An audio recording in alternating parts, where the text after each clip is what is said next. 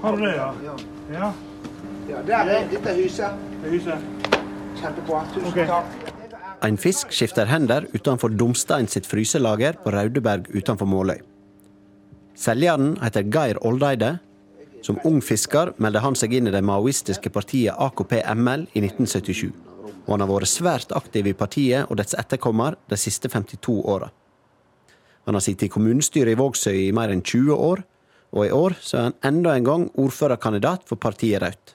Rett etter videregående skole, så gymnaset dette, så, så ble jeg med på en sånn studiering i eh, Rød Ungdom. Og, og syns jeg fikk veldig mange gode svar på hva på en måte som var skeivt med verden.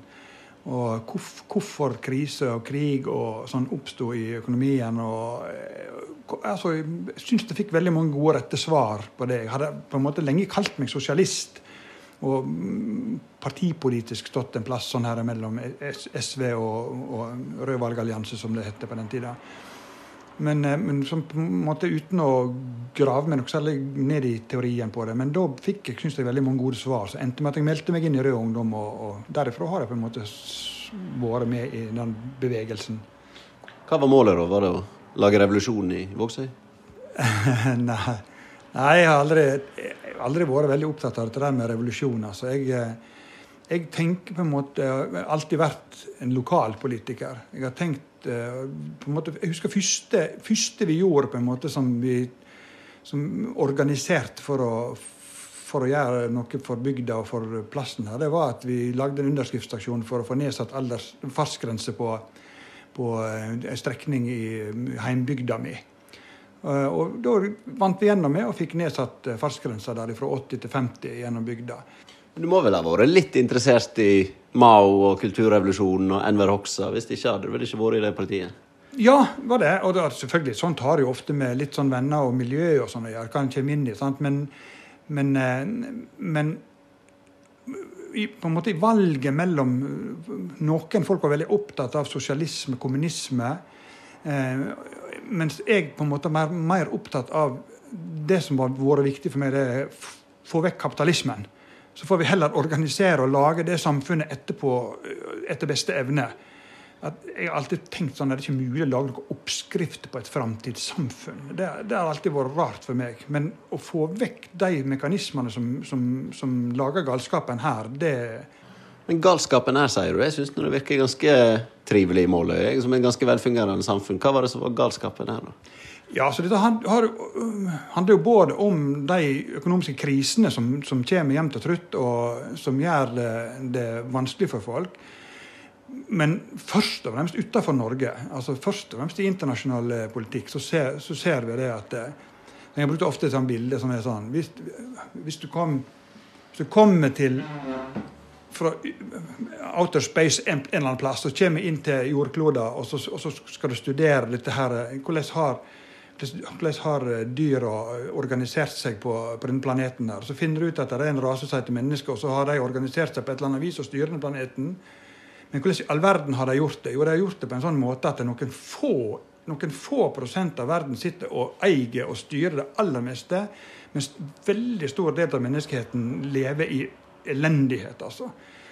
Og, og, og dette der, denne måten å organisere på, det er, virker helt, helt merkelig på meg. Og så, Men- så Samtidig så, så, er vi på ei grønn grein her. Men det er jo delvis av det. Altså, den, den for si sånn, hvite verden har jo hele tida levd på ryggen av elendigheten i resten av verden. Så det handler om rettferdighet og ikke bare på en måte at vi, vi har det godt her i Norge. Men noen av den verste elendigheten fant en vel i regimet som eh, AKP-ML var begeistra for i Kina, og i Kambodsja og i Albania. Ja, sant? Altså, undertrykking og, og despoter fins jo i for å si sånn, alle samfunnssystem og i alle verdenshjørner. Og helt klart, altså, vi unge folk som las Maos 'Lille røde', og dette her, sant, så jo på han som eh, dette her er noe helt annet. Og, og, og mente og trodde det at mye av det som ble sagt om han ifra, ifra i, andre politiske parti eller fra aviser og journalister og sånt, at det var, det var oppspinn. som viser seg i etterkant var sant. Sånn at det er klart at det har vært masse undertrykking i kommunismen sitt navn. Det, det er ingen som må tvile på det. Akkurat som det er sånt i Man kaller seg liberalisme eller kaller seg uh, ren kapitalisme eller hva det er for noe. Så altså, makt korrumperer. Det viser seg jo igjen og igjen og igjen. Ja, for Hvordan var det å uh, stå fram som uh, kommunist og marxist-leninist her i uh, Måløy på 70- og 80-tallet? Det det var, veldig tøft, faktisk, første, første gangene. at det var veldig fremmed og veldig nytt, og, og ingen hadde gjort det før her. Og, og, og enkelte reaksjoner var veldig, veldig harde og tøffe. Altså, vi opplevde helt klart fysisk at folk spytta etter oss på gata. Altså, og folk skjelte oss veldig ut. Og dette varte en jeg vet ikke, et år eller to, men det snudde voldsomt etter vi kom inn i kommunestyret. Da, da, da var det en helt, ble en helt annen holdning til oss. Altså. For når vi så hva vi faktisk sto for i praksis. da. Men de spytta etter dere når dere demonstrerte, da? Eller hvordan var det? Ja da, vi sto på stand f.eks., så kunne vi oppleve det. sant? Eller at folk eh, bare skjelte oss ut eller kalte oss ting når de gikk forbi oss. eller altså et, veldig sånn. I tillegg til det så har vi jo den eh, systemet sitt, sin trakassering ut av oss. sant? At vi faktisk ble overvåka og og eh, hindra jobb. Altså folk, folk fikk problemer med å få jobb fordi at det ble kjent at de var i vårt parti, så rett og slett mista jobben sin eller, eller, ble nekta jobb i jobb de søkte på. Sånt. Så det var, det var, ganske tøft. altså. Det ble jo avslørt senere at det var en veldig dokumentert overvåking ut av, ut av vårt parti og miljøet rundt oss. da. Og det er mye snakk om eh, hets mot politikere nå. Eh, vil du si at det var verre det som dere opplevde? Ja, det var det. Det, det, er, helt, det er ganske klar på at det var. Fordi at det hadde så store konsekvenser for den enkelte når en ikke fikk jobb, f.eks. Og at en faktisk ble havna i, i arkiv der en ble, ble uglesett på, alt, på alle mulige slags måter.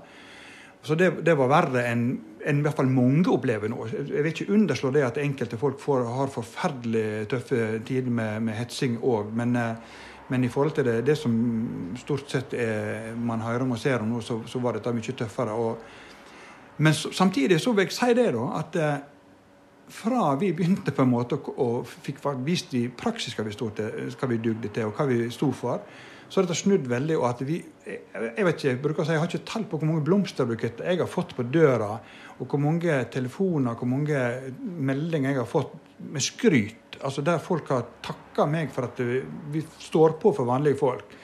Så det handler på en måte noe om òg sånn hva, hva, en eh, faktisk gjør. Da. For hvis en, hvis en som folkevalgt og politiker kjører over folket gang etter gang etter gang, da fortjener en å få kritikk. Og omvendt, hvis en faktisk står på vanlige folks side og slåss for folk, da viser seg at da er ikke det hetsen for. Da får en faktisk skryt og ros. altså. Mm. Du, dere var jo altså tilhengere av væpna revolusjon i Norge, og dere hylla regimet som var eh, veldig undertrykkende og voldelige, og som var blant de verste som en fant i hele verden. Det er vel kanskje ikke så rart at folk var litt krasse med dere når dere sto på stand? Jo, men, men så, vi så det jo ikke sånn at dette her var regimet som var undertrykkende. Altså, Tvert imot, altså, mente vi da. Sånn, sånn at det er noen, det er noen ene sider av det. Men, men akkurat det med revolusjon altså, jeg, har, jeg har jo brukt og sagt det at jeg tror at folk flest i Norge er for revolusjon. Jeg, altså. Altså, Én ting er jo stor omveltning og få noe bedre, sant? men faktisk væpna revolusjon. Da.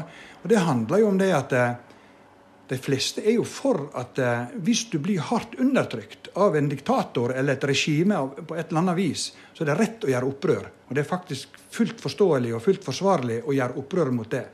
Det, sånn har jeg sett på det med revolusjonen. At det handler om hvis en blir undertrykt, hvis en blir trakka ned, da er det rett å gjøre opprør. Og Det støtter jo folk i andre land i verden, og det støtter jo folk bakover i historien i Norge òg. Så det, det, er jo sånn jeg har sett på det. i hvert fall. Men det er kanskje noen som sliter med å se hvordan fiskeren Geir Oldeide her i Måløy er så hardt undertrykt? da? Ja, og det ser jeg veldig gjerne. og derfor Derfor handler det på en måte ikke om det handler jo om det at hvis, hvis vi skulle komme der hen at Norge ble et undertrykkingsregime, så må det være fullt rett å forsvare seg mot det. Som sagt så har du vært med i dette partiet nå i over 50 år. Hvordan har eh, partiet forandra seg? Mm, ja, altså det er jo et helt annet parti nå enn, enn eh, det som var AKP-ML, som jeg var med i sin tid. For det var jo et sånn et, et lederparti med veldig veldig strenge krav til uh, aktivitetsnivå og, og, og hvordan en på en måte skulle oppføre seg og, og hva en skulle prestere. Men det, sånn er det jo ikke nå. Nå kan jo hvem som helst bli med i partiet, og det er ingen krav til at en verken skal eh, stå på stand eller skrive avisinnlegg eller være med på noe som helst. Altså, det kan nesten være sånn støt, støttemedlemmer. Det, det er ei veldig klar side. Så det er ikke på en måte et kommunistisk parti i hele tatt lenger, i den forstand som, som, eh, som Lenin snakket i sin tid om et kommunistisk parti. Da. Det er noe helt annet. Og så En annen ting som jeg syns er veldig veldig stas, da, det var det at eh, for en del år tilbake Jeg husker ikke når det kom, da, så ble det prinsippfesta i partiet at, eh, at uenighet er bra. At uenighet skal, skal elskes fram. Og at det skal protokollføres at folk er uenige, og at mindretallets syn hele tida skal komme til syne. Det, det syns jeg var, var, veldig oppløftende når det kom inn, inn internt i partiet. da. Hva er de eh, store sakene for et eh, parti som Rødt i eh, Kinn og i Vågsøy nå i valget i 2019? da? Altså For det så har vi en overordna målsetting om at det, på en måte Forskjells-Norge det er noe vi mener det er viktig å slåss mot. At forskjellene øker og øker. og øker. Selv om vi har det veldig bra i Norge, så er det faktisk sånn at det blir flere og flere fattige og flere og flere superrike. Så, så den utviklingen går feil. Så det er noe sånn overordna mål, på en måte, at vi skal på en måte finne de, de uh, sakene, de, de uh, punktene der vi kan minske forskjellene og, og slåss for de som er nederst på rangstigen. Men utenom det så er akkurat i Vågsøy så er jo selvfølgelig dette her, eh, ja, for den saks skyld Flora òg, dette her med sammenslåingsspøkelset, dette her Kinn-konstruksjonen som, som, som rir dette samfunnet som ei mare nå. Hva syns du om eh, kommunereformer generelt, og hvis en ser eh, utover bare her i Vågsøy? Nei, Rødt har jo helt klart syn på det at det er en privatiserings- og sentraliseringsreform. Det det er kommet fordi at en skal legge bane veien for økt privatisering i, i, det offentlige Norge. Så lenge en har relativt små kommuner og små miljø, så er det ikke lønnsomt for store bedrifter og multinasjonale selskap å komme inn og skal drifte f.eks. en sykehjem eller en barnehage.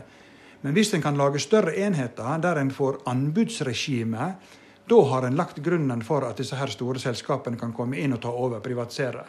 Og Det er det som er den store trenden nå. Det er ikke lenger familiebarnehager og, og ideelle, ideelle, kristelige barnehager og sånt som, som, de blir kjøpt opp i stor stil de nå av, av store konsern som skal drifte dette her og ta ut profitt.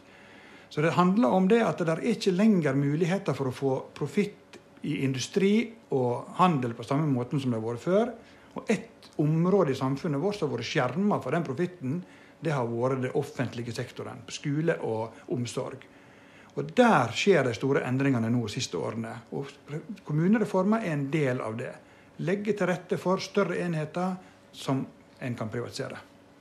Men en del kommuner her i fylket for eksempel, har jo under 2000 innbyggere. Du ser ikke den at det kan være vanskelig å skaffe kompetanse til kommunehusene eh, som er høyt utdannet fra storbyene, når en har så små fagmiljø? Nei, det er en myte. Stort sett så er det en myte. Det altså, det er sånn at for det første, så Hvis en ser på eh, store kommunene, veldig store kommunene og by, store bykommuner, sånn, så har de akkurat like store problemer med å skaffe folk til fagmiljøene sine. Det er det ene. Det andre er at det blir ikke flere fagfolk. selv om du, Sånn at det, Alle må slåss om de samme fagfolkene. Og, og, så har du kommunesamarbeid som faktisk viser seg å funke. Altså, det har iallfall vist seg her i kommunen vår. At uh, utstrakt kommunesamarbeid med nabokommunene våre for å løse den ting, altså når det blir bare én og to innenfor f.eks. barnevern, eller hva det er, så funker det faktisk å lage samarbeidsorgan. Altså. Mm. Vågsøy er en kommune som har opplevd eh, folketallsnedgang i noen år eh, nå. Hvordan vil Rødt i Vågsøy snu det? Ja, det, det Ærlig talt, jeg ser ikke at det går an å snu det. Jeg, altså, du har flaks, veldig flaks hvis du skal greie å snu noe sånt. For det er en landstrend. Det er alle utkanter. Det er omfattende sentralisering som har holdt på i veldig veldig mange år. Byene er magneter på ungdommene spesielt. og dette der vil fortsette. Det er enkeltmiljø som greier dette her. Men jeg tenker vi kan ikke gi opp. Vi er nødt til å bare tenke sånn at vi skal prøve å legge til rette for at det er arbeidsplasser. Sørge for at det er gode skolemiljø, sørge for at det er gode barnehagetilbud og sånn. Og, og så håpe på at folk vil fortsette. De som sier at jeg har fasitsvar på dette, og, og vi har løsninger, jeg tror ikke på dem. Altså, det, er, det er å jobbe i motbakke, kort og godt.